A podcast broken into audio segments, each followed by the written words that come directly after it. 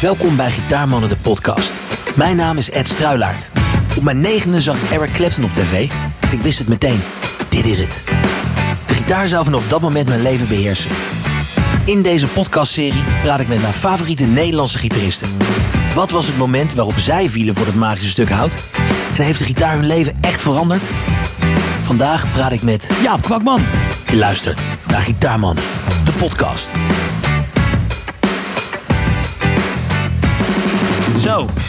Jaap. Dag Ed. Hi.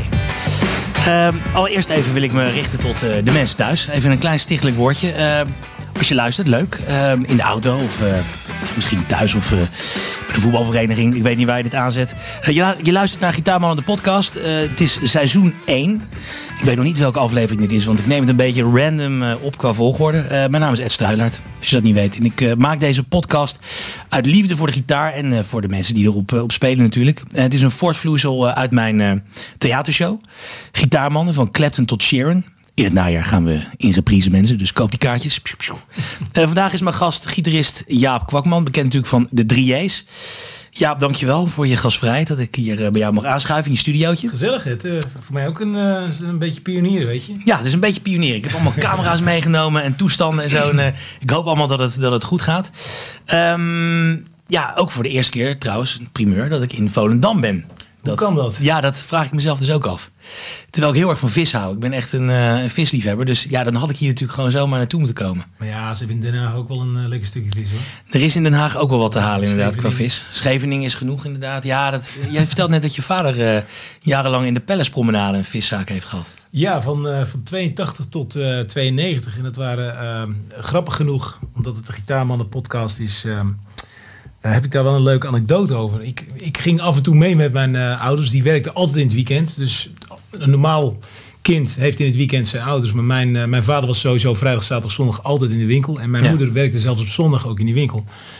En dan was het voor mij altijd wel een, eh, een leuk uitje als ik dan eens in een maand of zo mee mocht. En ehm, in Den Haag, in de, in de Palacepromenade, daar had je de, eh, de buffeterie. Daar konden mensen op zondag lekker, eh, als je bijvoorbeeld eh, de Veronica Strandcross had, kon je lekker uit de ramen kijken, zo Ja. die motoren gaan. En mijn vader had daar een viswinkel. Dat was een patatkraam en een pannenkoek, weet ik veel. En daar stond altijd een band te spelen. En de gitarist, dat, die heette Rolf. En die kwam uit Rotterdam. Een goede gitarist. En die vond dat wel geinig. Dat daar een jochie van 7, 8. Ik was Ja. toen net begonnen met gitaarspelen. Ik was 8. En hij vond dat zo geinig. En ik mocht dan... Want mijn vader die moest natuurlijk op een gegeven moment die moest vis verkopen. En ik liep Ja. daar constant in die winkel. En, en Rolf die, eh, die nam mij dan wel eens mee op het podium. En die, die riep dan die akkoordjes. Weet je, C, G. Maar die speelde daar dan van die... Weet je, eh, eh, Girl from Ipanema en eh, allemaal die jazzdingen. Dat klopt Ja. helemaal voor een reet natuurlijk. Nee. Maar daar in Den Haag heb ik eh, toch wel mijn eerste... ik denk wel mijn eerste optredens gedaan op mijn achtste. Zo dan. Dus dat was het moment ook waarop je echt eh, de gitaar ontdekte? Of had je die al eerder wel ontdekt? Eh, nou, een beetje in die tijd. Ik, ik denk dat ik... ehm, bij ons thuis was er, was er, altijd, was er altijd muziek. Tenminste, ehm, mijn, ik heb twee oudere zussen en, en er werd altijd gewoon wel muziek gedraaid. Ik zeg niet altijd de meest gekke muziek, maar Nee. het, was, het was altijd muziek. En er was een punt, denk ik, toen ik zeven of acht was, dat daar door iemand wel een gitaar werd neergezet. Omdat ik dat wel leuk zou vinden. En Ja. natuurlijk vond ik dat leuk. En het was nou echt zo'n gitaar die, die wil je niet mee doodgeslagen Nee, nee, nee. Weet je, zo'n eh zo'n nylonsnarige gitaar met stalen snaren erop en dan verkeerd om erop gezet. Je Oh, kent ja, het wel. ja, ja. Gewoon drama. Je kent die gitaar wel. Oh, die kennen we zeker allemaal. ik, ja. daar, moet- daar moet je op beginnen ook, denk ik. Daar moet je gewoon op beginnen. En het is zo dat eh, wij hadden maar een paar gitaarleraren in, eh, bij ons in Volendam. Waaronder eh, de, de oude gitarist van de Cats, Jaap, Jaap Schilder. Ah, En eh, toevallig, mijn moeder had vroeger ooit bij hem op gitaarles gezeten. Dus mijn moeder dacht meteen, oh, Jaap moet op gitaarles. Dat moet dan bij Jaap van de Cats. ja. Dus zo eh, gebeurde dat ik op mijn achtste eh, bij Jaap en bij zijn vrouw Aal, echt geweldige mensen, meen ik echt, aan tafel aanschoof. En dat kostte toen acht gulden en eh, ik, ik weet het nog heel goed, woensdagmiddag naar school. Dan kreeg je ook eh, dat geld mee van je, van je moeder Van je moeder kreeg je dat Ja, geld mee? Ja.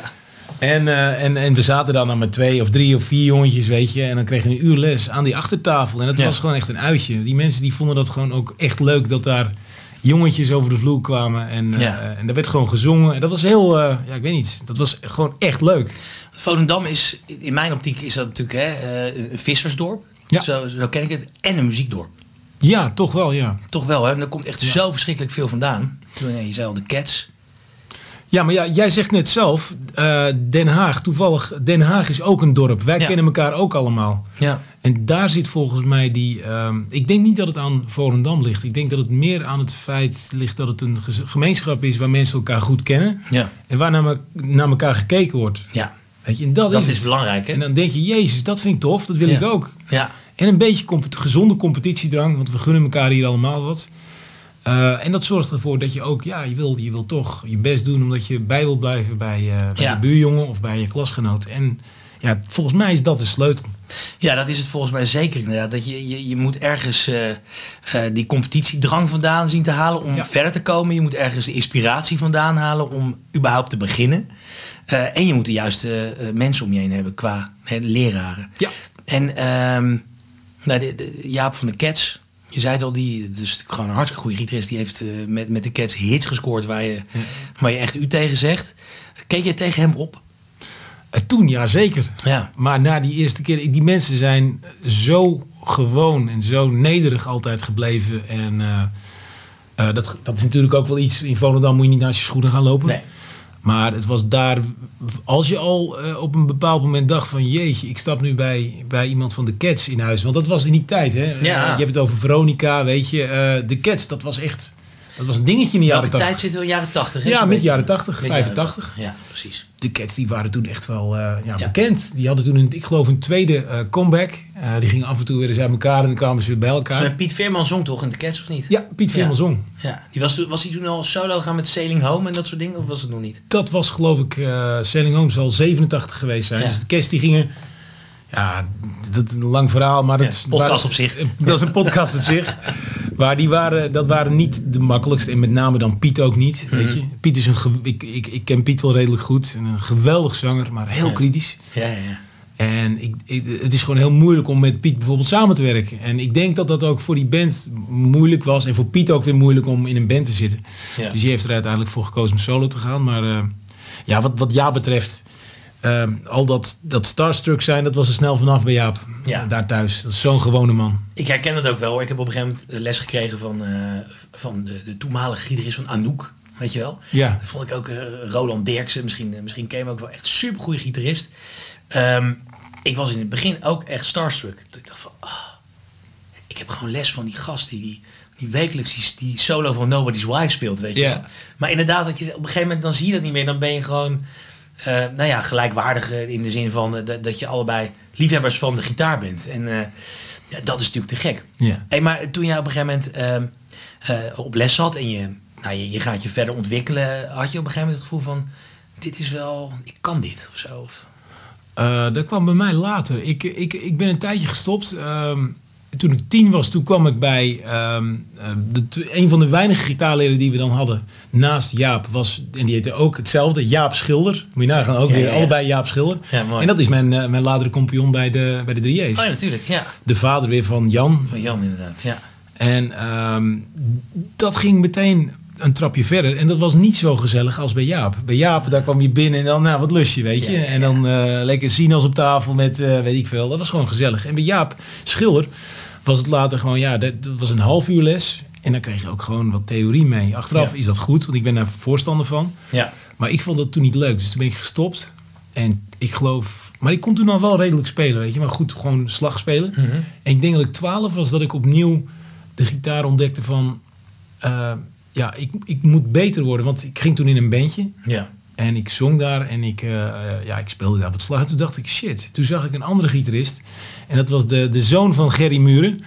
De voetballer, Ja. Johan Muren. En, eh, en die, die zag ik eh, solo spelen, weet je.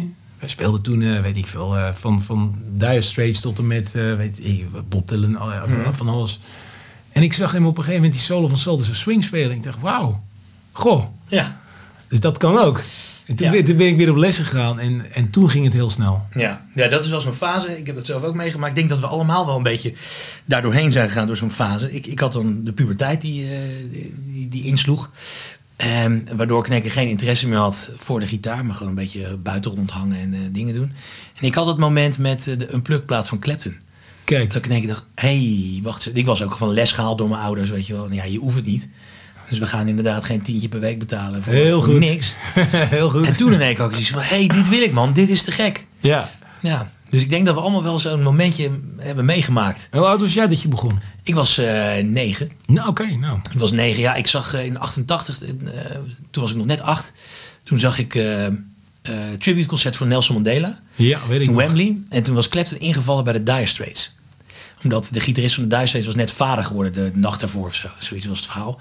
En Mark Knopfler had Clapton gebeld van... joh, wil je invallen? Want we hebben geen gitarist. Nou, jij bent er waarschijnlijk toch ook. Ja, ik ben er. Volgens mij moest hij zelf ook spelen toen.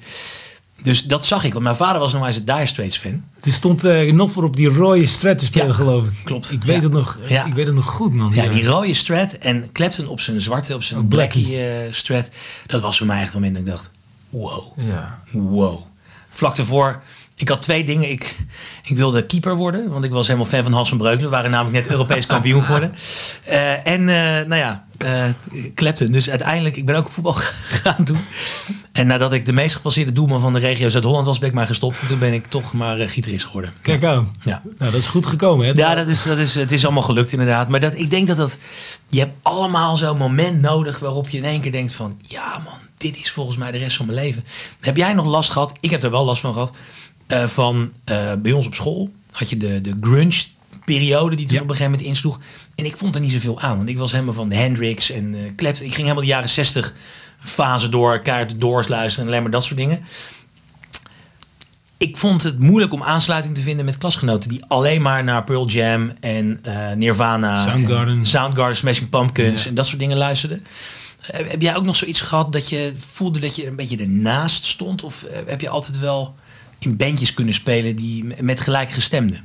Nou, het, het, het is zo dat ik was extreem jong dat ik beroepsmuzikant werd. Ja. Tenminste, was je? 15. Zo. Ja. Ja, ik was nog 15 en toen eh, was ik... eh, ik denk dat ik de jongste ondernemer in Nederland was ook. Want ik mocht officieel nog niet eh, van school. Ja.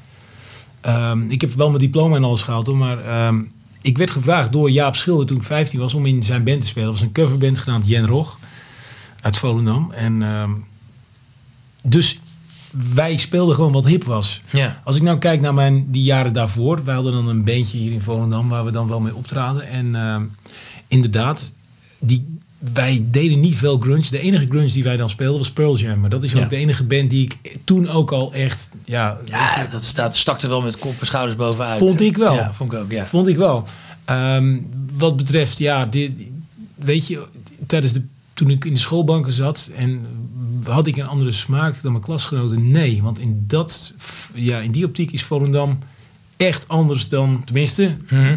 weet je, we zijn geen gallen of zo. Nee. Maar mensen luisteren hier gewoon naar oude shit. Ja, ja, precies. Weet Ja. je, ehm, als je hier in de kroeg komt eh, op zaterdag, dan staat rustig eh Astral Weeks van Van Morrison gewoon eh, Ja. aan. Weet je, ja, dat is gewoon heel gek. En ehm, ja, daar zijn wij ook mee opgegroeid, weet je. Dus. Dat speelden we hier en dat vonden de mensen hier ook leuk. Wat dat betreft is het wel leuk om een soort van op een eiland te wonen. En een soort enclave te hebben. een soort enclave te hebben, weet je. Iedereen vindt die oude shit leuk. Dus ik, om, om te zeggen, weet je, er waren hier wel kroegen waar die grunge dan wel eh, aansloeg. Maar in principe het merendeel luisterde gewoon nog steeds naar de Doors, naar Floyd, naar eh noem Ja. maar op. Ja, dat is wat gek. Ja, dat, ik kom oorspronkelijk uit Leidschendam, eh, wat, wat zeg maar in de stinkende oksel van Den Haag ligt. En ja, weet je, daar, ja, daar, daar was het toch, ja, ieder voor zich een beetje. Dat, Ja. dat was altijd een beetje het ding. En dat, dat zorgde wel voor dat het voor mij lastig Ik was pas 18 toen ik in mijn eerste bandje speelde. Gewoon omdat het niet lukte om in een bandje te spelen. Ja. Er was gewoon niemand. Iedereen was gewoon, ja, er waren wel bandjes, maar die waren drie akkoorden Nirvana dingetjes aan het schuiven. En ik dacht, ja, maar daar kan ik niet overheen soleren. Dat vind ik niet gaaf. Nee. En zij vonden mij niet gaaf. Ehm, Ik had er ook echt helemaal geen fuck mee, Nirvana. nee, Nee, later Nee. denk ik wel, want die stukken zijn natuurlijk wel iconisch, maar ik Ja. snap dat wel heel goed, dat je... ik vond wel eh Smells Like Teen Spirit. Met ik weet clip, nog die precies. Maar ook gewoon, ik weet nog waar ik was toen ik die voor het eerst hoorde. Ja. Ik zat in de auto, we gingen met het, eh, met het gezin en wat familie een weekendje Center Parks doen. En mijn vader was naar de receptie aan het lopen. Het was vrijdagmiddag, dus waarschijnlijk de top 40 stond op de radio aan. En de tipparade. En dat was dan, nou hier is een nummer jongens. Nou, die, dit moet je echt horen. Dit Smells Like Teen Spirit van Nirvana. En ik hoor die beginakkoord. Ik dacht, wow. Ja.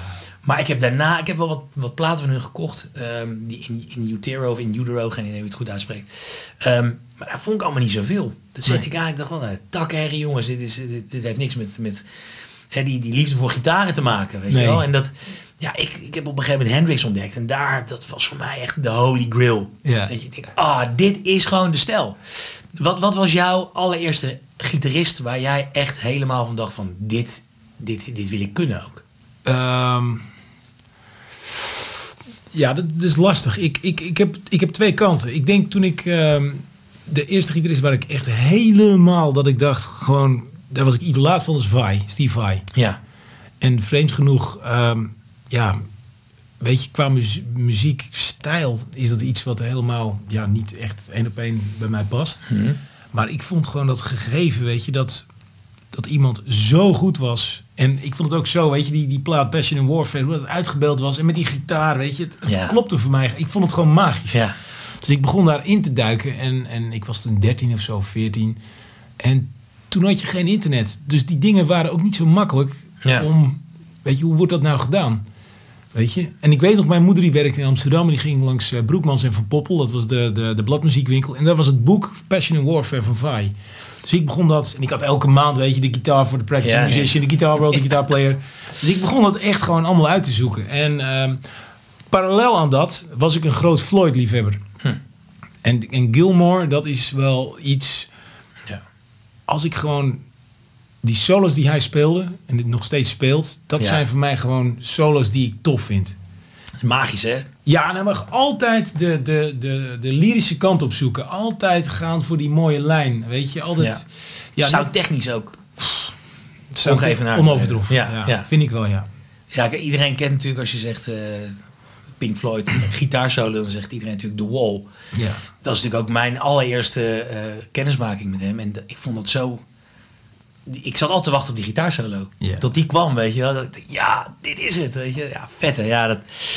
Ja, hij heeft al zijn gitaren is hij aan het verkopen. Of in ieder geval een heel groot gedeelte, geloof ik. Echt waar? Ja, Nou, ja. Dat wist ik niet. Ja, dat stond eh, vorige week geloof ik, of een paar weken geleden op internet. Dat hij eh, echt nou, heel veel met eh, echt hele oude gitaren, met, soms met serienummer 1. Hij heeft de eerste Strat, geloof ik. Ja, ja, ik geloof dat hij die ook aan het verkopen is. Dat is die Ja. gouden, geloof ik. Ja. Ja, hij is echt een grote, grote opruiming aan het doen. Ik denk dat hij last heeft van zijn vrouw.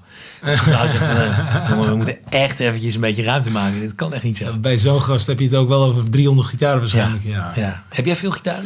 ja, ja tenminste, ik, ik, dat is veel. Ja, nee, je hebt er nooit genoeg. Ik Zo heb, er een, eh, ik heb er een stuk of 30, denk ik. Oh ja. Eh, wat ik wel heb, is dat het allemaal goede gitaren zijn. Ja. Dus ik heb niet, eh, eh, en dat bedoel ik niet verkeerd, maar bij mij vind je geen squiretjes. Nee. En, eh, eh. Dat moet wel nog- gewoon kwaliteit zijn. Ja. Ja, nee, maar dat is niet eens, want je kan te gekke squires hebben. Maar ik heb ehm, mijn hele jeugd, zeg maar, heb ik gewoon op één gitaar gespeeld. Ja. Dat was een goede, gewoon een goede strat. En vanaf dat punt heb ik, ehm, dat was de gitaar die ik van mijn vader kreeg. Ja. Ik kwam bij, eh, eh, eh, hoe heet het, Servaas vandaan in, in, in Den Haag. Ah ja, Servaas, ja. En ja, de eerste gitaar die ik daarna kocht, ik was toen al beroeps. Ja, dat was dan meteen ook een goede gitaar, Ja. weet je. Ik, dan kocht ik geen bullshit. Dus Nee. ja, door de jaren heen heb ik gewoon echt mooie gitaar omheen verzameld. Ja, en het is ook een goede investering. Hè? Ja, zeker. Dat, eh, het wordt gewoon niet minder waard. Nee. Wat dat betreft. Nee, dat, ik ken dat wel. Ik heb zelf niet zoveel. Ik denk dat ik een stuk of. Hoeveel heb ik er? Een stuk of twaalf, denk ik dat ik het heb. Ja. En daarvan zijn er tien goed. Weet Ja, je wel? dat- En, eh, en ik, ik heb nog wel mijn allereerste Squire.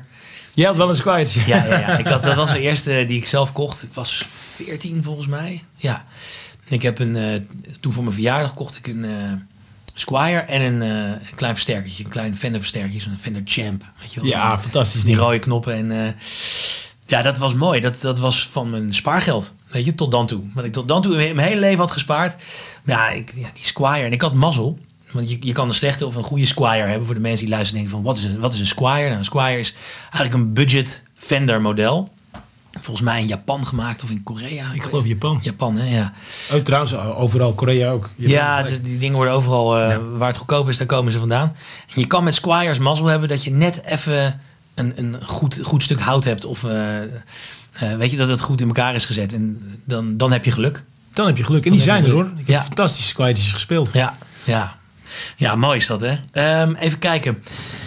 Ja, het moment dat jij dus 15 bent en professioneel muzikant bent. Ja. Eerst, eerst twijfel, weet je. Want ik, ik, ik had wel dingen uitgestippeld. En muzikant, daar kun je toch niet van leven, weet je. Ja. Dan krijg je dat soort vragen. En dan krijg je... Gelukkig, mijn ouders, die waren heel open-minded.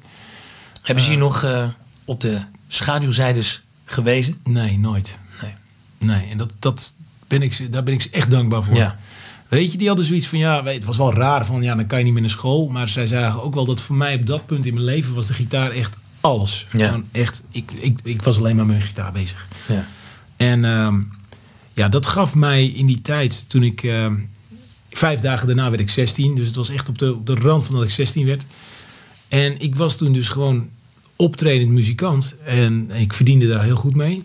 Ja. En eh, ik had dan wat eh, gitaarleerlingen, weet je. Dus ik dan, dat deed ik erbij, vond ik leuk.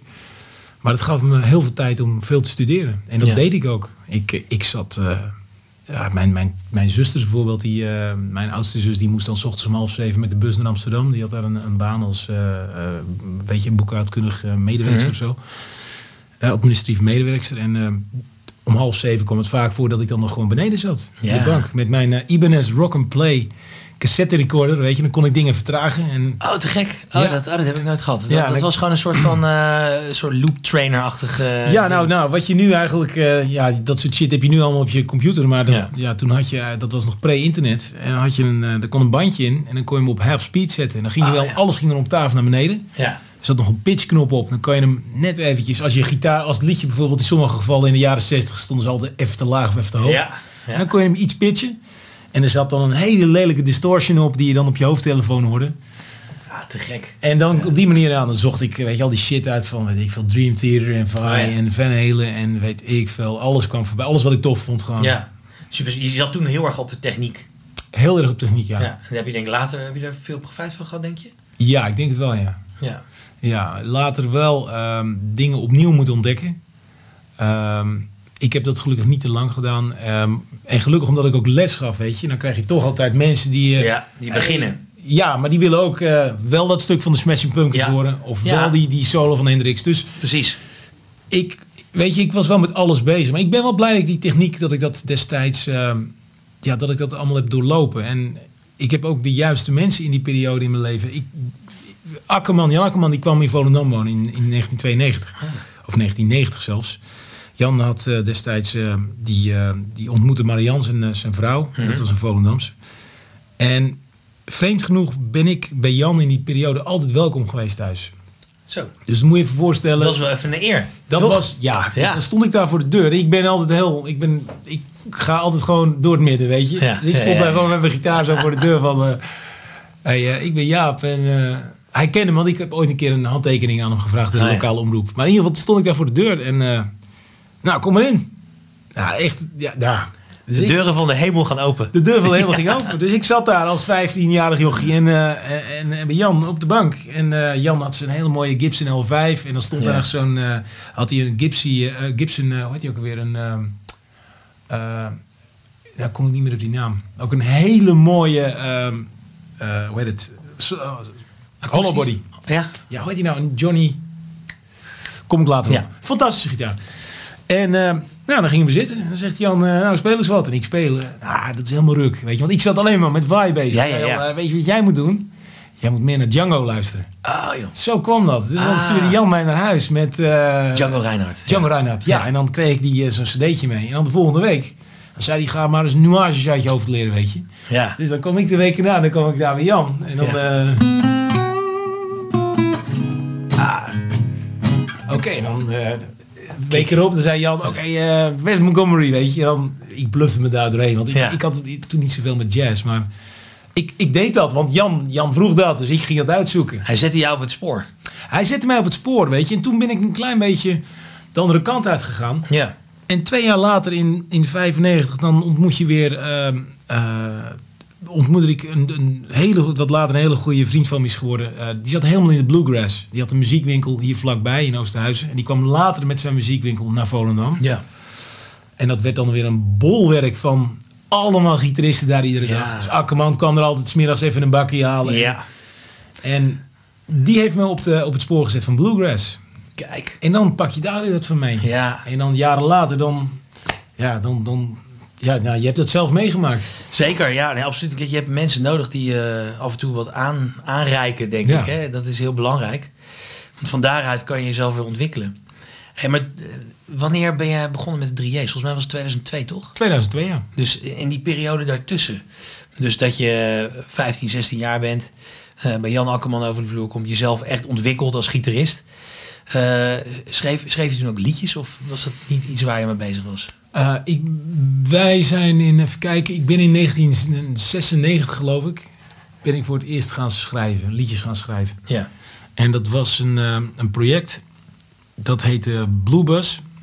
En eh, die was, die, de bandnaam was vernoemd aan de kleur van de bus die wij met Jen Rog hadden. Het was een bla- hele lelijke blauwe bus.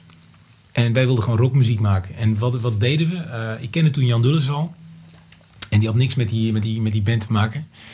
Jaap Schilder, dus de vader van Jan Schilder uit de band, die was toen ook al gestopt. Dus ik was de enige nog in Jen Rog. Maar wat we deden was samen met Jaap en Jan gingen we gewoon liedjes maken. En ehm, dat zou een rockproject worden en eh, daar hebben we jaren aan gewerkt. Dat deden we bij Studio Arnold Muren. Ja. En op de een of andere manier was het gewoon zo dat we daar niet... Ja, we kregen daar gewoon geen contract mee. Nee. Dat lukte gewoon niet. En uiteindelijk, ehm, eh, ja, na een jaartje of acht... dat je demootjes opnemen en echte opnames doen... Ja. Toen stonden we op het punt om daarvoor getekend te worden. En toen kregen we weer een of andere rukdeal van, van de maatschappij. En voor de lol namen we 3J's op. Ik had toen in mijn oude huis hadden we een studiootje gekocht Ja. om dus Engelstalige demos op te nemen voor Bluebus. Ja.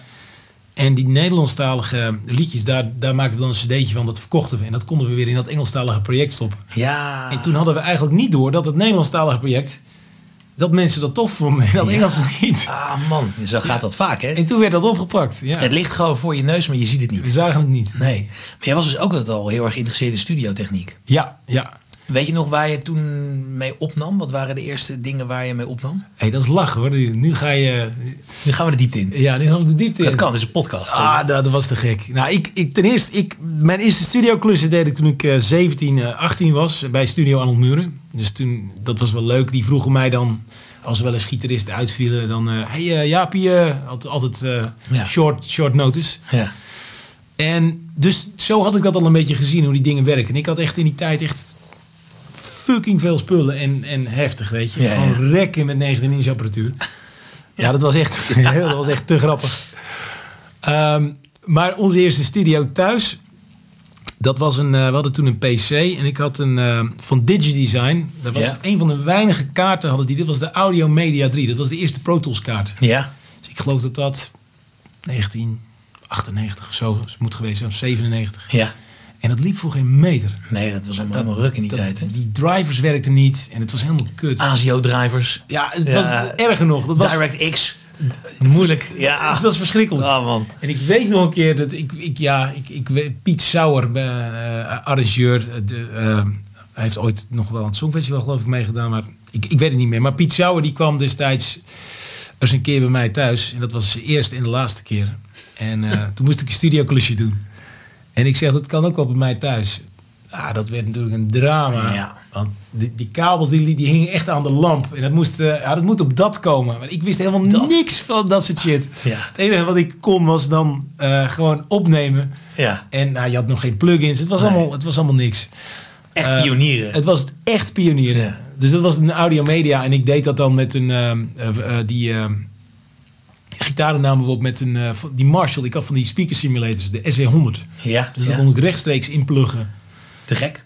Maar ja, Voor die tijd. Voor die tijd, wat ja. Maar die dingen die kwamen ooit in, in 93 uit. Die zijn nog steeds wel eh, oké Ja. trouwens. Ik heb ze nog. Oh. Allebei.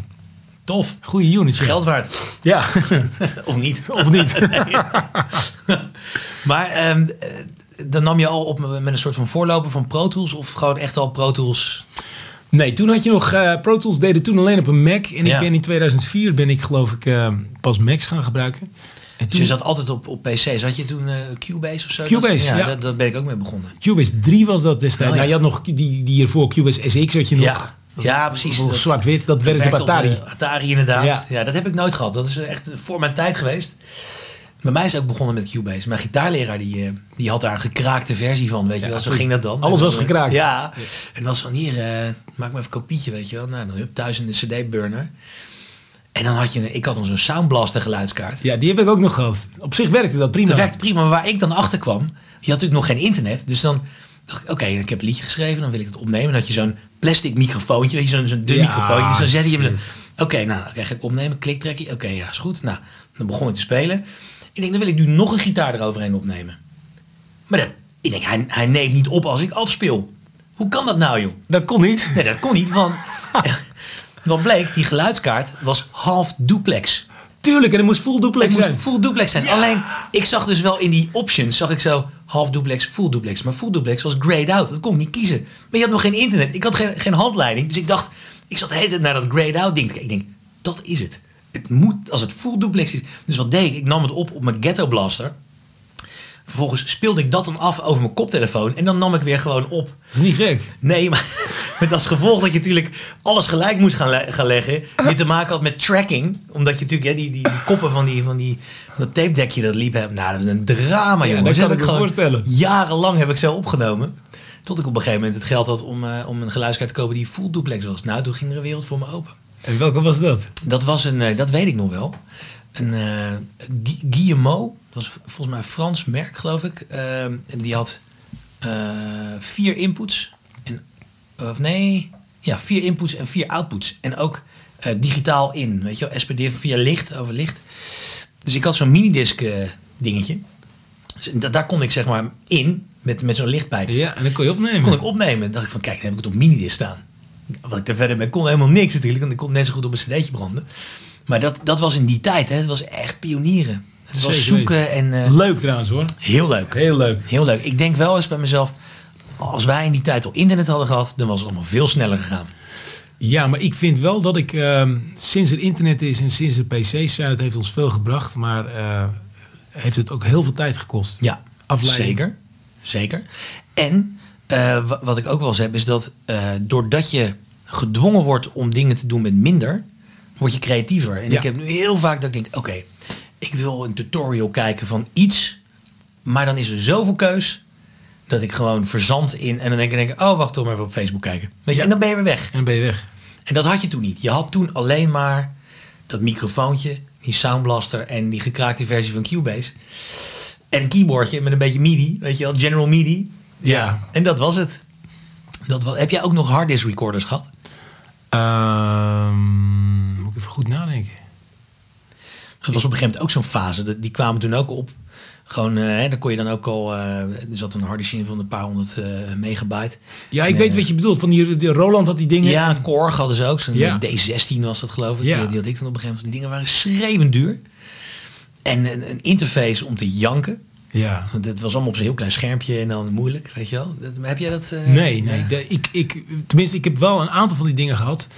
Maar ehm, op zich werkte dat gepionierde, eh, dat pleurensootje bij mij, bij mijn ouders boven. Dat werkte dan voor wat wij nodig Ja. hadden. Weet je, wij maakten gewoon demootjes. En Ja. voor de rest gingen we dan naar Arnold Muren en daar namen we dan op.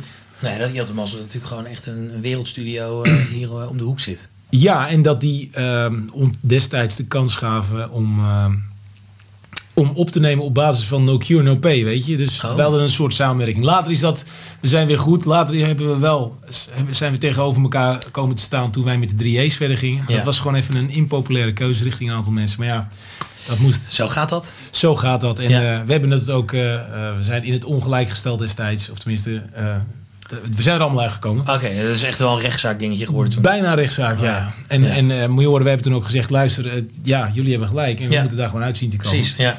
Maar dus tot die tijd ehm, hoefden wij dat niet zelf te doen. En omdat wij die Engelstalige plaat aan het opnemen, of aan het opnemen waren, wilden we die demo's beter maken. En toen kochten we eh, een, een Digidesign 002 was dat toen. Ah. In 2004, 2005. ja. Toen begon het een beetje leuk te worden in die tijd. Ah, toen was het, dat was het. En toen een Mac. Jezus Ja. Christus man, Ja. dacht ik echt, wat is dit? Ja. Alles werkt. Ja, dat hè. Is Inmiddels ook niet meer helemaal eh, aan de orde met, met nieuwere Macs. Maar Nee. toen in die tijd Feilloos. echt een verademing. hè. Het was een verademing. Ja. En toen, man, dat, nou, daar, daar kunnen we ook een podcast aan wijden. Ja, Pro Tools natuurlijk. eh, en dan kom je natuurlijk op de, althans voor mij nog steeds de grote zoektocht. Hoe neem je zo'n gitaar nou zo goed mogelijk dat die klinkt zoals het in je hoofd klinkt? Is dat voor jou ook nog steeds een zoektocht? Of? Eh, ja, eh, want toen was het gewoon zo. Wij hadden een, eh, een Reude NT2 hadden we in die tijd gekocht. was toen een hele, een van de eerste Ja. echt betaalbare goede condensatormicrofoons. En het is zo dat ik dacht gewoon van die zetten we er gewoon voor. Ja, ja Dat. tuurlijk. Ja. Nu weet ik beter, want tegenwoordig ik produceer nu zelf ook en ik, ik weet inmiddels mix ik ook. Dus, Ja. Maar ik, ik, ik zet het er gewoon voor. Maar je moet natuurlijk gewoon goed luisteren. En, en, maar daar had je geen tijd voor.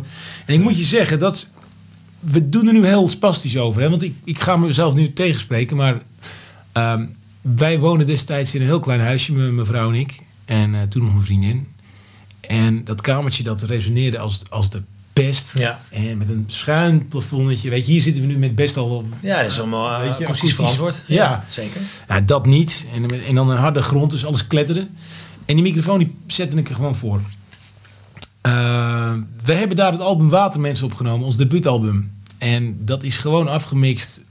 Twee keer trouwens, we hebben hem twee keer uitgebracht. Eén keer lokaal. Ja. En toen verkochten we gewoon 2000 albums. Zo. En toen dacht, weet je, toen kwam daar een platenmaatschappij bij. En ik denk dat die momenteel zelfs al ja, 50.000 gepasseerd is. Zo, maar wij hebben alleen maar voor goud hebben we destijds een plaat gehad. Maar dat Ja. is al te lang geleden. Ja. Maar die plaat is dus zo slecht op mijn kamertje opgenomen. En als je die aanzet, dan, dan denk je, nou, die klinkt gewoon te gek. Ja. Met andere woorden, het zegt iets ook over de kwaliteit van de engineer, van de Tuurlijk. mixer. Tuurlijk. Maar ik kijk er ook niet meer zo spastisch tegenaan, weet je. Van, Ik heb exact zo'nzelfde fase doorlopen dat ik heel erg bezig was met... Oké, ik moet helemaal... Moet allemaal kloppen. En, en inmiddels denk ik van ja, als het goed klinkt, dan is het goed. ja, Toch? dat is het. En want vroeger, hè, dat, dan ga ik weer terug naar begin 2000, eh, eind 90, dat je dan ging een beetje ging pionieren zelf. En dan was je vooral bezig met van, wauw, het kan. Ja, En je was niet bezig met hoe je het dan zo goed mogelijk kon laten klinken. Dat was bijzaak eigenlijk. Want, oh, moet je horen, klinkt toch net echt, weet je. Dat Ja. had ik zelf altijd. ja, En, maar dan, op een gegeven moment ga je door zo'n fase heen van... dat je dan langzaam je gaat ontwikkelen van... oké, ik kan het steeds beter laten klinken. En eh, je leert een beetje de technieken ook als je veel in studio's werkt. En nu kunnen we het zelf. ja. Weet je, en dat is wel, ik vind dat heel bevrijdend. Aan de andere kant ook gevaarlijk, want Ja. tegenwoordig lopen er meer producers rond dan... eh, Absoluut. Snap je? En Absoluut. het- ik ben er toch achter gekomen. eh, ik vertelde je net, weet je, even buiten de podcast, dat ik. Ik was van de week weer bij eh, Gordon Grootherde. Ja. Dat is gewoon iemand echt nog uit de tijd dat het gewoon met banden en met ook pionieren, weet je. Ja. Ehm, en als je met zo'n iemand werkt, iemand die echt dat alleen doet, dan merk je toch wel van ja, eigenlijk weten we helemaal geen fuck, weet je. Nee, nee. En, en dat is het. En tegenwoordig roept iedereen, weet je, van ja, Ja. ik ben producer en ik ben dat en Ja. zus. Maar Nee, kijk, je hebt natuurlijk altijd eh, buitencategorie. Ja. In, in elk vakgebied heb je, heb je de buitencategorie. En eh, ik denk altijd dat je heel goed moet kijken naar waar ben ik nu in mijn carrière? Wat kan ik zelf eraan bijdragen? En wanneer ga ik weer met mensen samenwerken die mij weer verder kunnen brengen, verder dingen kunnen bijbrengen, leren. Weet je wat, het is allemaal, ik, het zijn allemaal fases en allemaal momenten waar je dan in zit. Ehm, ik wil, voordat we verder gaan, want we zijn al bijna 40 minuten aan het ouwehoeren. Ik heb wat eh, dilemma's. Even om eh, een soort van halverwege, nou we zijn al over de helft denk ik. Maar. Ehm, Oké, Ehm, ehm, welke gitaar pak je als eerste als je huis in de fik staat? Meloden O38. Natuurlijk eerst je gezin, zorgen dat dat in veiligheid is. En dan, Ja, dat, ja, maar je zei, ook- je zei welke gitaar. Ja, natuurlijk. nee, ik had er nog achter willen zeggen dat je dat eerst natuurlijk moest doen. Je, maar vertel, die gitaar, wat, wat is dat? Ah, die hangt achter je. Dat is eh, in de hoek. ja, ik zie hem. Ja. Ja. dat is die gitaar heb ik gekocht op mijn achttiende van al mijn geld. Australisch merk toch? Nee, Iers. Iers, ja, dat was Ed het. Sheeran Ja. speelt er nu op. Die Ja. eh, heeft nu zijn... zijn eh, Signature. Zijn signatures zijn nu Lonens. En hij heeft nu ook eh Sheeran guitars. Wordt ook door George Lonen gemaakt. Ja. Die gitaar, ik, ik ging naar die winkel in Oosthuizen. eh, de winkel van Ben Brouwers. Fantastische bluegrass gitarist. Eh, drie jaar geleden gestorven. En eh, de gitaar die hiernaast hangt, die is trouwens de gitaar van Ben. Die heb ik van, hem, van zijn eh, vrouw gekocht. Santa Cruz ja, dat, ja. dat. Maar lang verhaal, ik kwam met, in die winkel en ik, ik ging natuurlijk met een andere gitaar. kwam ik bij Jan Akkerman thuis. Ook een Loden. En van Koa, die zag er heel fancy uit. En Jan zegt, eh ja, Jaap, je hebt de verkeerde gitaar gepakt. Weet je? Oh, echt? Ja, echt. Dus ik met Jan weer naar eh, Oosthuizen. hij zegt, eh, ga nou nog maar eens een keer luisteren. Dus hij gaf die O38 aan me. En ik, maar die zag er veel minder Ja. fancy uit. Achteraf die gitaar was nog een stuk duurder. Maar, en ik speelde daarop. En ja, inderdaad, die gitaar die klonk gewoon mooier. En eigenlijk, Ja. ja. die had veel meer gelaagdheid. Kan je het laten horen wat, wat, die, eh, wat hem zo speciaal maakt? Die gitaar, ja, Ja? dat kan ik. Daar ben ik wel benieuwd naar. Ik denk dat de mensen die luisteren het ook wel tof vinden. Want, het even te horen doen, ja. Hij hangt er toch. Nou, dit is een, sowieso een, dit, is een, dit noemen ze Premier Range. Dit is het topmodel van Loden. En deze gitaar is dus helemaal van Rio Palisander. Dus de, de achter- en de zijkanten. Ja. Dus ik kan met deze gitaar ook niet meer reizen. Ik heb- Nee, hè, dat, nee. Is, dat mag niet meer. Er, er is wat veranderd in die, eh, die wetgeving. eh. Ja. Dus deze gitaar wordt gewoon in beslag genomen als je geen... eh, Dus je mag eigenlijk Volendam niet meer uit. Deze mag Nee, niet meer uit. Mag nee. je sowieso niet. Buiten de, de stadsgrenzen komt, dan word je op- opgepakt. Ja. Nou, je ziet al hoe deze gitaar eraan toe is. ja, het is echt, Hier hebben wij, mee gewerkt. Hier hebben we ja, alles mee gedaan. En, ja, deze heeft allemaal alles gekost wat ik destijds had. En, en, en Ja. dit is ja.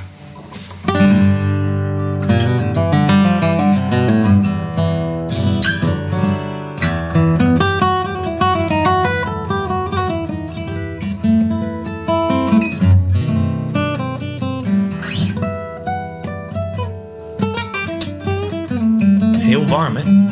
Hij is heel hard. Maar wat bij deze gitaar goed in is, is als je eh, gebroken speelt, dus, dus dit soort dingen. Ja, ja, ja.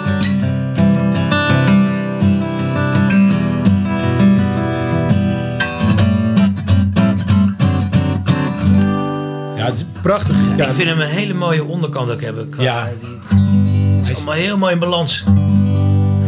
En vorige week ook weer bij een, bij een, bij een sessie neem ik hem mee. En als je gewoon hout zoekt, gewoon een echte eerlijke houtklank, Ja. dan kom ik altijd bij, bij Louden uit. Ja. En, eh, ik heb er twee, ik heb een 038 en een, eh, een S23. En dit is, vind ik nog steeds, vind ik het mooiste akoestische gitaarmerk. Wie speelt er nog meer? Is het Tommy Emmanuel die er ook op speelt? Nee, dat is Meten. Eh, oh ja, en dat is volgens mij Australisch, of niet? Dat is Australisch. Ja, dat Ja. ben ik minder waar. Nee, Louden wordt eh, door... eh, nou, John Mayer heeft er eentje cadeau gekregen van Ed Sheeran laatst. Oh, een hele nou. mooie. Waarschijnlijk niet geheel toevallig. Niet geheel toevallig. Even kijken, wie speelt er nog meer op? Ehm, een- hoe heet die gitarist ook weer? Een, ehm, die heeft een signature model zelfs.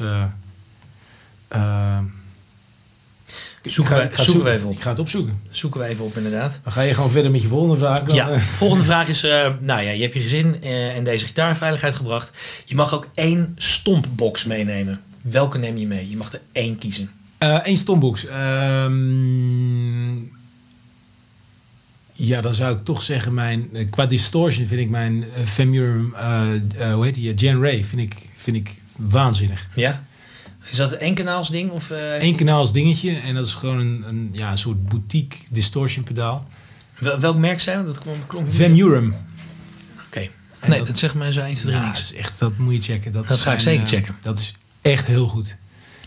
Ik zal even voor de mensen die, eh, die, die ook kijken, want je kan ook kijken. Deze podcast is opgenomen met drie camera's. Het mag wat kosten, mensen. Eh, dus het staat ook op YouTube. Dus als je dit hoort nu in je, in je auto, dan eh je denkt van waar heeft hij het over? Nou, dan moet je even naar, naar YouTube gaan. Dan kan je gelijk even abonneren. En dan zal ik in de description even een linkje plaatsen naar het pedaaltje wat Jaap bedoelt. Dat is, en ook een, een link naar, naar Loden gitaren. Zodat je dat even kan, kan opzoeken thuis. Oké, ehm, nou ja, favoriete akoestische gitaar hebben we net behandeld. Ehm, wat is je favoriete elektrische gitaar die je hebt? Ehm, dat vind ik heel moeilijk, maar ik moet hem kiezen. Hè? Ja, je moet er echt één kiezen. Ja, ik, nou, ik moet erbij zeggen, ik heb niet één. Ik, ik kan niet zeggen, kijk, iedere elektrische gitaar is anders. En ik heb nooit echt een elektrische gitaar gehad waarvan ik vond dat hij alles kon. Nee. Eh, maar hiernaast bijvoorbeeld, is wel een leuk verhaal. Ik heb hier een, eh, dit is een eh, Les Paul uit 73, een deluxe. Kijk. En dit is een, wel een leuk verhaal. Dit is het verhaal zeg maar, van het oude vrouwtje, weet je. Die eh, bij de winkel kwam en Ja. eh, deze is van mijn zoon geweest. Ah, ja, ja. Vrouwtje van 80. En eh, ik, kom, ik kom echt vijf minuten later kom ik in die winkel. En ik zeg tegen die eigenaar die ik goed ken. Ik zeg, als je nou eens een keertje tegen een Les Paul aanloopt. En hij zegt, nou je gaat het niet geloven. Ja, ja, ja. Je gelooft het nooit. Vijf minuten hiervoor kwam er een vrouwtje. En die, had, nou, die heb ik 500. Hij was, hij was echt wel gebruikt. ja. En dus als jij mij 550 euro geeft, Nee. dan is het ja, echt gebeurd. Dus ik kom met Nee, die gitaar. Ik heb er wel een nieuwe stemmechaniek op moeten zetten. En eh, wat, ik heb hem opnieuw moeten laten vetten. Holy fuck, dat ding is nu echt gewoon eh, het vijfvoudige waard, denk ik misschien Deze wel. is wel het, denk ik, tienvoudige waard. Ja. denk ik, ja. Wow. Maar waanzinnig. Weet je, een Ja. hele fijne. Hij is keihard hoor je. Ja. Echt een Les Paul klank. Ja. Dit vind ik bijvoorbeeld gewoon een hele fijne gitaar. En, maar ja, ik, ik blijf... Ik, ik, wat ik ook hele fijne gitaars vind is Volreden. Dat is een Nederlandse bouwer uit, eh, uit Delft. Eh, die bouwen echt voor een, eh ja, voor een habbekrats bouwen ze echt topspul. Oké. Daar heb ik er ook drie van inmiddels. Ik heb ook Soers, ik heb Gretches, Ja. weet je. Eigenlijk, ja, ik vind het zo moeilijk. Laten we zeggen deze. Ja, oké. de, de Gib- Gibson Les Paul 73. De, Ook gewoon het verhaal erachter is natuurlijk gewoon... Ja, verhaal is goud, goed. hè? Ja, dat is te gek. Even kijken. Fingerpicking of slag? Slag. Slag. Oké, fingerpicking... Ik ben een vingerpikker. Ja. Maar ik vind, eh, ik vind dat slag. eh, ik ben een goede. Ik durf te zeggen dat ik een goede vingerpikker ben. Maar ik vind dat slag ondergewaardeerd wordt. En ehm, ik zie veel te veel gitaristen die dat onderschatten. Ja. En ik vind dat je. Ja, dat slag nog steeds wel. Ja, een liedje kan tillen. Ja, en op kan tillen. En, ja, fingerpicking is toch meer iets wat erin ligt? Of Ja. hè, als het... eh, Maar, maar, maar fingerpicking als, als niche ding, weet je. Zoals nou, Meyer heeft dat, die is daar natuurlijk Mhm. Ja. die is daar waanzinnig goed in. Maar er zijn er natuurlijk nog gekkere. Ehm, en dan, ja, dat is mooi voor een liedje. Maar slag is iets dat altijd terugkomt. En in ieder beentje moet er wel een slaggitarist als Ja. het aan het spelen zijn. En ik vind gewoon dat niet veel gitaristen dat snappen. klopt. Nee, het is iets... eh, vaak doe je te veel. Ja, Of eh, je zit de basgitaar in de weg. Of je zit de toets in de weg. Of je, je zit elkaar allemaal in de weg. En daar... plektrum. Ja. Weet je, heel veel gitaristen die spelen met bijvoorbeeld slag met dezelfde plektrum als waar ze mee. Dat is ook zoiets. Nou ja, dat is mijn zijn- volgende, mijn, mijn volgende vraag. Wat is jouw eh, favoriet plektrum? Ja, die heb ik niet. Nee, nee, dat is hartstikke moeilijk. Ik speel wel op Dunlop, maar, maar ik, ik heb ze allemaal, weet je. Ja, ja ik op, de, op de een of andere manier kom ik altijd terug bij die, eh, bij die gele. Ja, die, die, die, Tortex. Tortex, ja. ja. Op de een of andere manier, dat het is heel raar. Daar, daar begin je dan ooit mee of zo. En dat, eh, maar is dit een dik of is dit een, dit is een iets dikker volgens mij? Dit is 1 mm. Oh ja. En dat is dan mijn standaard plektrum. Maar als, Ja. ik, als ik slag speel, dan pak ik bijvoorbeeld een eh, 0,6 of 0,5. Ja, dan pak je die lichtgrijze of die, eh, Ja. misschien soms die witte zelfs Soms wel. zelfs wel wit. Dat is Ja. gewoon papier. Maar dan Ja. krijg je een heel mooi zijdeachtige... Precies, echt zo'n sheen krijg je dan. Ja. eh, ja. En dat, dat, ja, ik vind dat je zo moet je met slag, zoals iedere, alle elektrische gitaristen met, weet je, met pedaaltjes bezig zijn. Ja. Voor dat liedje heb ik dat pedaaltje en dan even een klein draadje. Ja, ik zie ze nooit. Voor dat liedje heb ik die plektrum nodig. Nee. Terwijl dat net zo belangrijk is. Nee, als je bijvoorbeeld, hè, we hadden het net over John Mayer, zijn, zijn, een van zijn vaste drummers, Steve Jordan. Ja. Nou ja, bijna als dus ook de, de, de- die, gasten waar hij nu mee speelt. Ja, die Sterling. Pakken, ja, Sterling inderdaad. Die pakken gewoon eh, voor elk nummer een nieuwe snare. Nieuwe snare. Weet je, ja, dat is gewoon, dat is hun ding, hun instrument. Dus ik ben het met je eens. Soms heb je gewoon een dikke plektrum nodig en soms een dunne. En heel vaak live eh, merk je dat de gitaristen denken, ja, het is allemaal veel te moeilijk. Of laat maar, ik pak gewoon één plektrum. Of ik denk er niet eens over na. Maar het kan net het verschil maken tussen dat iets net een goede performance wordt of net even minder. Zeker weten. Het gaat om die paar procenten, want iedereen kan op een gegeven moment spelen. Ja. Als je op een bepaald level zit. Iedereen is goed. Maar ook met, met jagen, weet je, met hangen. Soms, heeft bijvoorbeeld een, een, soms wil je met, met je akoestische partij net even voor de drummer uitspelen. Weet je, Ja. dat je een beetje jaagt. Om het liedje wat vaart te geven. En soms wil je, wil je hangen. Of dan heb je net een wat dikkere of een wat dunnere plektrum nodig. Als je wil, wil jagen, dan wil je wat harder. Dan wil je net even dat ervoor dat kunnen plek- zitten. Heel belangrijk. Ja, ja. ja, dat is ook iets waar, je, waar ik later pas achter ben gekomen. Dat ik dacht, oh, wacht even joh. Toen ik voor het eerst echt de studio inging. Ja. Dat dan inderdaad zo, eh, dat was bij de, de vader van eh, Bas van Wageningen. Van Oh, ja, ja, ja, ja. De basement studio. En eh, ja, dan weet je, was het mo- op een gegeven moment het moment daar dat je dan gitaar mocht gaan spelen. En dan zei hij, nou pak maar oh, deze plek, gebruik deze maar even. en dan kwam, had hij zeg maar echt zijn, favoriete go-to plek op van hier, weet je wel. En dacht ik, wat is dit nou voor even dat dun dingetje, weet je wel. Dat, nou, hoor, je, hoor, je, hoor je hoe te gek het nu is? Ik denk, ja oké, ik snap het wel. Ehm, ik zou misschien toch een iets dikkere gebruiken. Maar weet je, dat, dat zijn er van die momenten waarop je denkt, je denkt, oh wacht, dus zo kan ik er ook mee bezig zijn. Het zijn wel kleine eye-openers. Even kijken. Ehm, snaren. De Ik Dario. heb- Ik heb, ja, merk. Ik zit vooral even over de diktes eh, in. Want ik dacht altijd dat hoe dikker de snaar... Dat, dat die, al die bluesgassen, dat die allemaal op hele dikke snaren speelden. Dat is bullshit. Dat is dus bullshit verhaal. Ja, dat is bullshit verhaal. Daar ben ik dus een half jaar geleden pas achter gekomen. Ja. Ik dacht altijd dat Stevie Ray Vaughan echt op 012 of 013 snaren speelde. Nou, dat is, schijnt wel echt waar te zijn. Ja, ja. Ik weet het nu niet meer. Want ik hoorde dat verhaal laatst van, eh, hoe heet die gast nou, van ZZ Top, Billy Gibbons. Ja. Dat die dus met B.B. King een keer een gesprek had.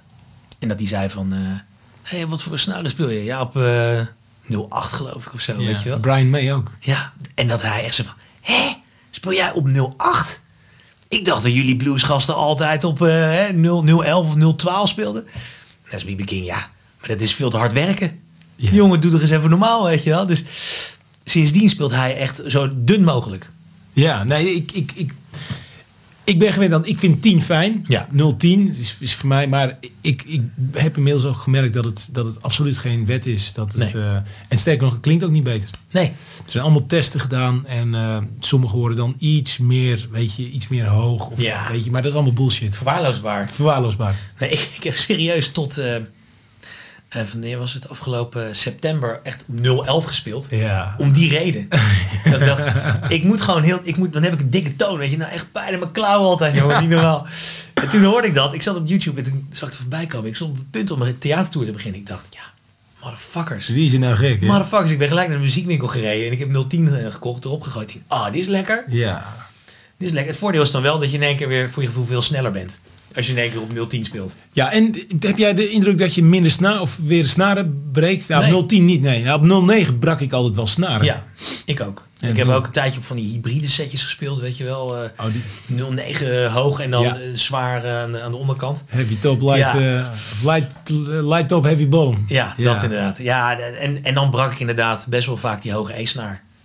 Ja. Dat had ik vaak. Maar aan de andere kant, ja.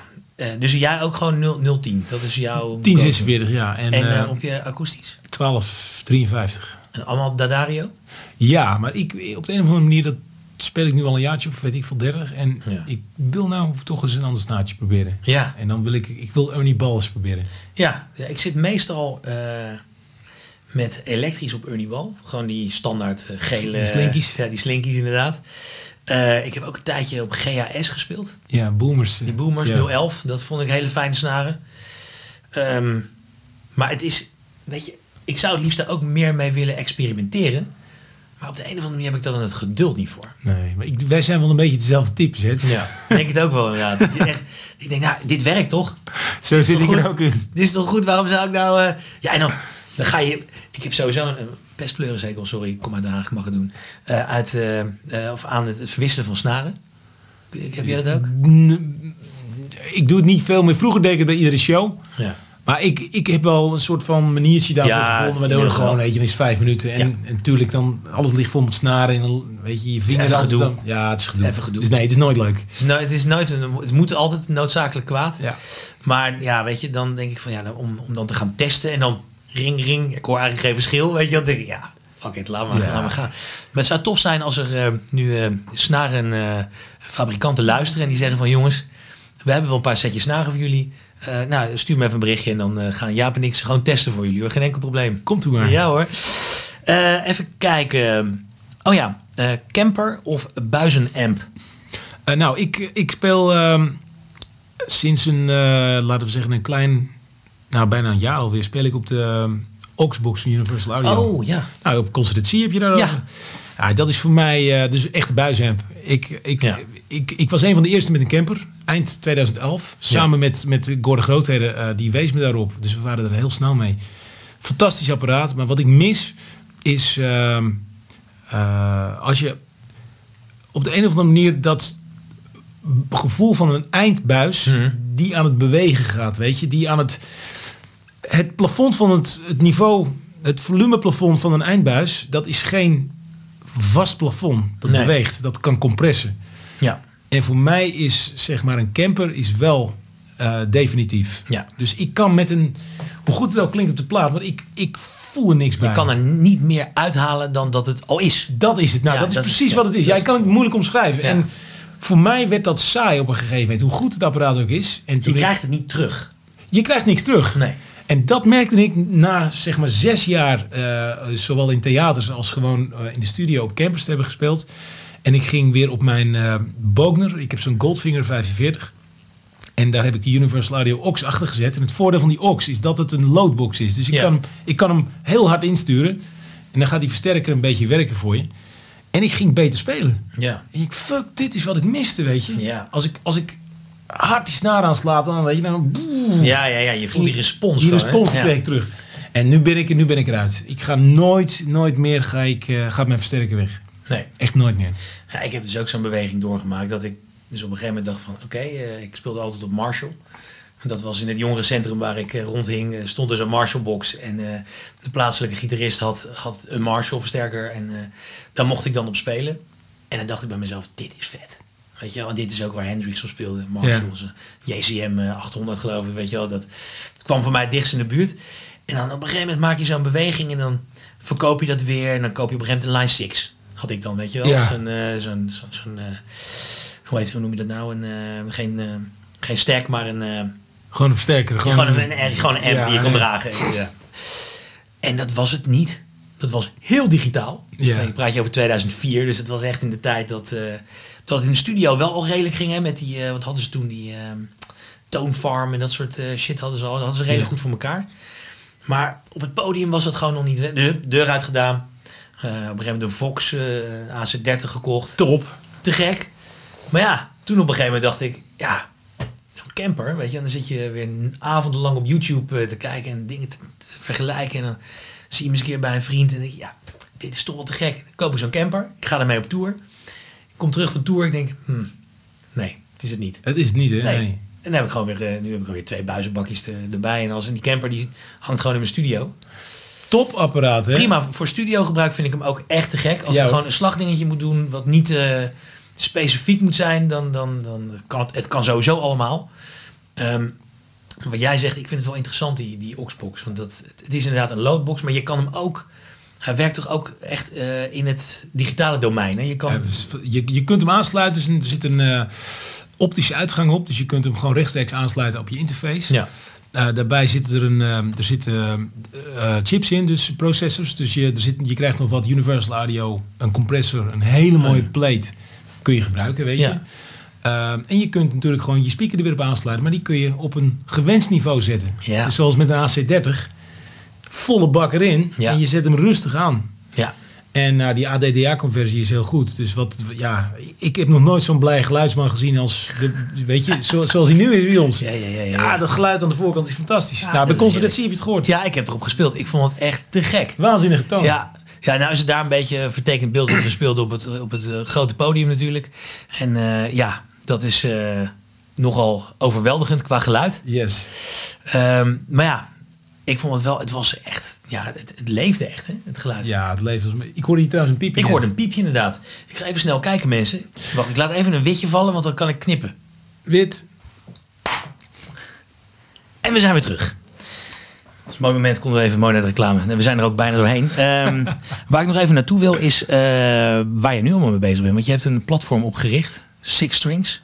Ja, eh, ja, nou eigenlijk mijn, eh, mijn vrouw die was een, eh, een jaartje geleden, die was niet zo gelukkig meer op haar werk na 20 jaar. En die, toen zijn we gewoon eens gaan zitten van, wat vind je nou leuk? Nou, ze, wilde iets met muziek doen en iets met kinderen. Dus het was heel vaag. En uiteindelijk, toen zei ze, misschien iets met muziekles online. Nou, dat is op zich geen nieuw gegeven. Nee. Maar wat ik wel zag is dat ik, het, het werd nog niet gedaan door een, een bekendere gitarist, weet je. En ik zeg, nou, misschien is dat leuk, weet je. Ehm, en ik heb altijd les gegeven. Dus ik heb daar wel eh, ja, ideeën over. En, Ja. ehm, zo zijn we afgelopen jaar, zijn we daar gewoon, eh, of in 2018, zijn we daar flink mee eh, aan de bak gegaan. Dus dingen opgenomen. En ja, nu zijn we daarmee bezig. Dus je, mensen kunnen les krijgen van mij. En ik, ik doe dat op een... echt met, met, met hart en ziel. Gewoon, Ja. ik, ik probeer echt goede dingen te maken, kwalitatief hoogstaand. Ja. En ja, we, we gaan het meemaken. Ik vind het echt leuk om te doen. Ja, op de een of andere manier ben ik ook weer bezig dan met wat ik net zei. doorgeven of zo, hè? Ja, ook doorgeven, maar ook weer dat je merkt. zo- ik- zeg dan wel eens, nou, weet je, hebben jullie eh, verzoekjes aan de, aan de cursisten? Soms dat vind ik wel tof. En dan krijg je toch dingen waarvan ik denk, hé, hey, nou, dat is misschien wel eens leuk om in te duiken. Ja, ja.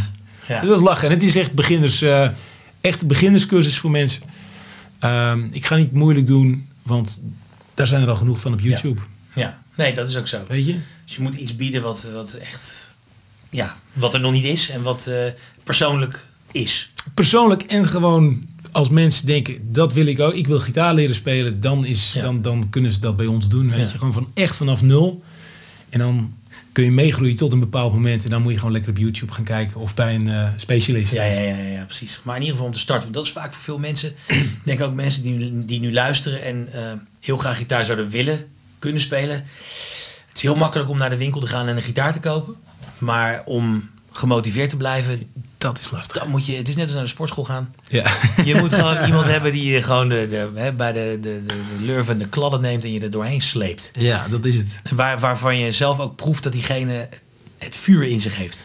Nou, dat doen we dus. Ik probeer ook iedere drie weken live te gaan. Weet je, Oh, ja. dan kunnen we gewoon lekker eh, mensen kunnen vragen stellen. Ja. En eh, eh, op die manier wel laten zien ook dat je ja, begaan bent met hoe het gaat. Weet je, Ja. de progressie van de mensen. En eh, ja, hopen dat je ze ook kunt blijven aansporen. Want Ja. weet je, het blijft moeilijk hoor. Eh, online is natuurlijk nog lastiger dan lijfelijk bij een leraar. Ja. Want dan heb je nog zoiets van, oeh, weet je, die kijk je recht in de ogen aan. Precies, nu kan je heel makkelijk zeggen van... eh, of nee, je hoeft niet eens te zeggen dat je niet gehoefd Je hebt. hoeft helemaal niks. Nee, nee. Nee, maar ik heb vroeger ook wel jongens eh, gehad die dan ook geen fuck hadden gedaan en op woensdagmiddag bij mij kwamen. En dan zei je elke week weer, nou, je hebt het ook wel gehad. Ik heb het zelf ook gedaan. Dat, Niks. Ja, ik ook. Moest ik echt, dan wist ik, oké, ik moet zo naar, eh, naar John, zo heette mijn gitaarleraar. Oh fuck, weet je, dan pakte die gitaar, dan ging ik nog snel eventjes die dingen doorspelen. Ja. En dan kwam ik eraan en dan blufte ik mezelf doorheen. Want ik had hele andere dingen zitten oefenen natuurlijk. Tuurlijk wel. Ja, zo ging dat. Ja, leuk. Hey, en met de 3J's, jullie eh, zijn met de theatertour bezig nu, toch? Wij hebben nu een theatertour en dat, dat is een, eh, een eh, Heroes Tour.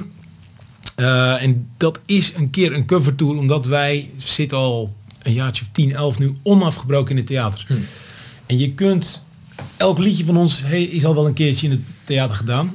En eh, ja, ons impresa- impresariaat vindt het gewoon belangrijk dat wij gewoon in de theaters blijven spelen. Ja. Dus je zegt gewoon, jongens, maak dan een keer gewoon een ander programma. En we hebben Ja. twee jaar geleden een keer een U2 eh, tribute gedaan. En dat was toen eh, ja, een groot succes. En nu hadden ze dan gevraagd, willen jullie dan nog één keer een soort van heldentour doen?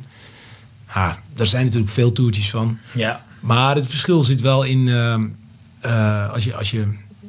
Wij maken er echt werk, echt werk van. Eh, we duiken echt in die materie. En eh, ja, we zijn ook gezegend met een zanger die heel veel. Weet je, Die kan veel aan. die kan veel aan. Ja. En die, wij kunnen wel stukken spelen die voor veel mensen niet te doen zijn. Nou, ik zag een dingetje voorbij komen van bij Tros Muziekcafé.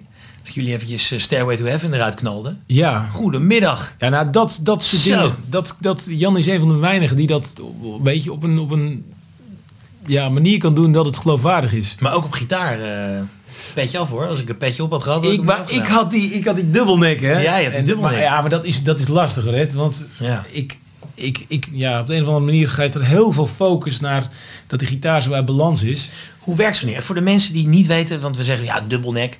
Ehm, dan heb je zeg maar een gitaar met twee halzen. Ja. En de ene heeft twaalfsnarige Ja. eh, gitaar en de andere is eh, zes. Ja. En dan heb je dus inderdaad, dat is een heel ander, een ander beest om, om eh, vast te houden, denk ik. Het is, het, het is een, gewoon een onding, hoe mooi hij ook is. Waar normaal zeg maar je, je hals zit, daar Ja. zit hij nu niet. Want daar zit, de twaalfsnarige zit hoger en de zesnarige zit lager. Ja, kan niet anders. Dat kan niet anders. Dus daar klopt al iets niet. Dus je, je, je bent al anders aan het spelen dan normaal. Dan zit daarbij dat je, je normaal je pick-up selector, waarmee je dus je elementen verschakelt. Je hebt vaak twee elementen op je gitaar, Ja. of drie. Nou, die zit nu op een plek waar die helemaal niet logisch zit. Dus die gebruik je al niet. Maar waar normaal je pick-up selector zit, daar schakel je nu de twee halzen mee. Oh ja, natuurlijk. Dus Ja. Waar ik constant mee te maken heb is... Nou, wij spelen bijvoorbeeld Hotel California en Stairway to Heaven allebei. Eh, op het moment dat je moet schakelen, dan verlies je gewoon... Er valt elke keer een witje. Er valt elke keer gewoon eventjes... Dan ben je weg. Want je moet... En je, met je voeten moet je natuurlijk je pedalen schakelen. Ja. Eh, en je moet dat ding schakelen. En je moet van hals wisselen. En die, hangt, die hals zit op een plek waar je helemaal niet gewend bent dat hij zit. Dus het is gewoon eigenlijk, wat in Volendam zeggen, gewoon kut. ja, dat zeggen ze in Den Haag ook. Kijk. dus ik ben er nog niet helemaal uit met dat ding. Nee. Hoe mooi ik hem ook vind. Ik vind hem magisch, maar eh, het is lastig. Het is lastig in En hij is, hij is topzwaar. Dus je, het is, ja, je bent constant die gitaar in balans aan het houden. Ja. Daarom stond Jimmy Page dus, voor de mensen thuis. Die stond die Ja. solos zo te doen. Het heeft een reden, mensen. Het was niet een beetje stoer doen. Het was niet.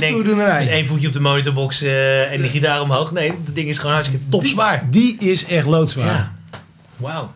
Nou ja, dan hebben we weer wat geleerd vandaag. Eh, het lijkt me een mooie afsluiting Ja, van eh, dit uur. Dankjewel voor je tijd. Ehm, mensen, bedankt voor het luisteren naar Gitaarman de podcast. Dit was eh, de eerste opname die maak. Ik weet niet of het de eerste eh, aflevering gaat zijn.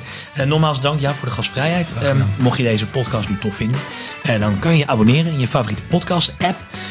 Of kijk hem even op YouTube. Er lopen een paar camera's mee. Als het goed is. Ik hoop dat het allemaal goed is gegaan, mensen. En anders dan moet je ons geloven dat er een paar camera's zijn. Like de Gitaarmannen pagina op Facebook, Instagram, Twitter.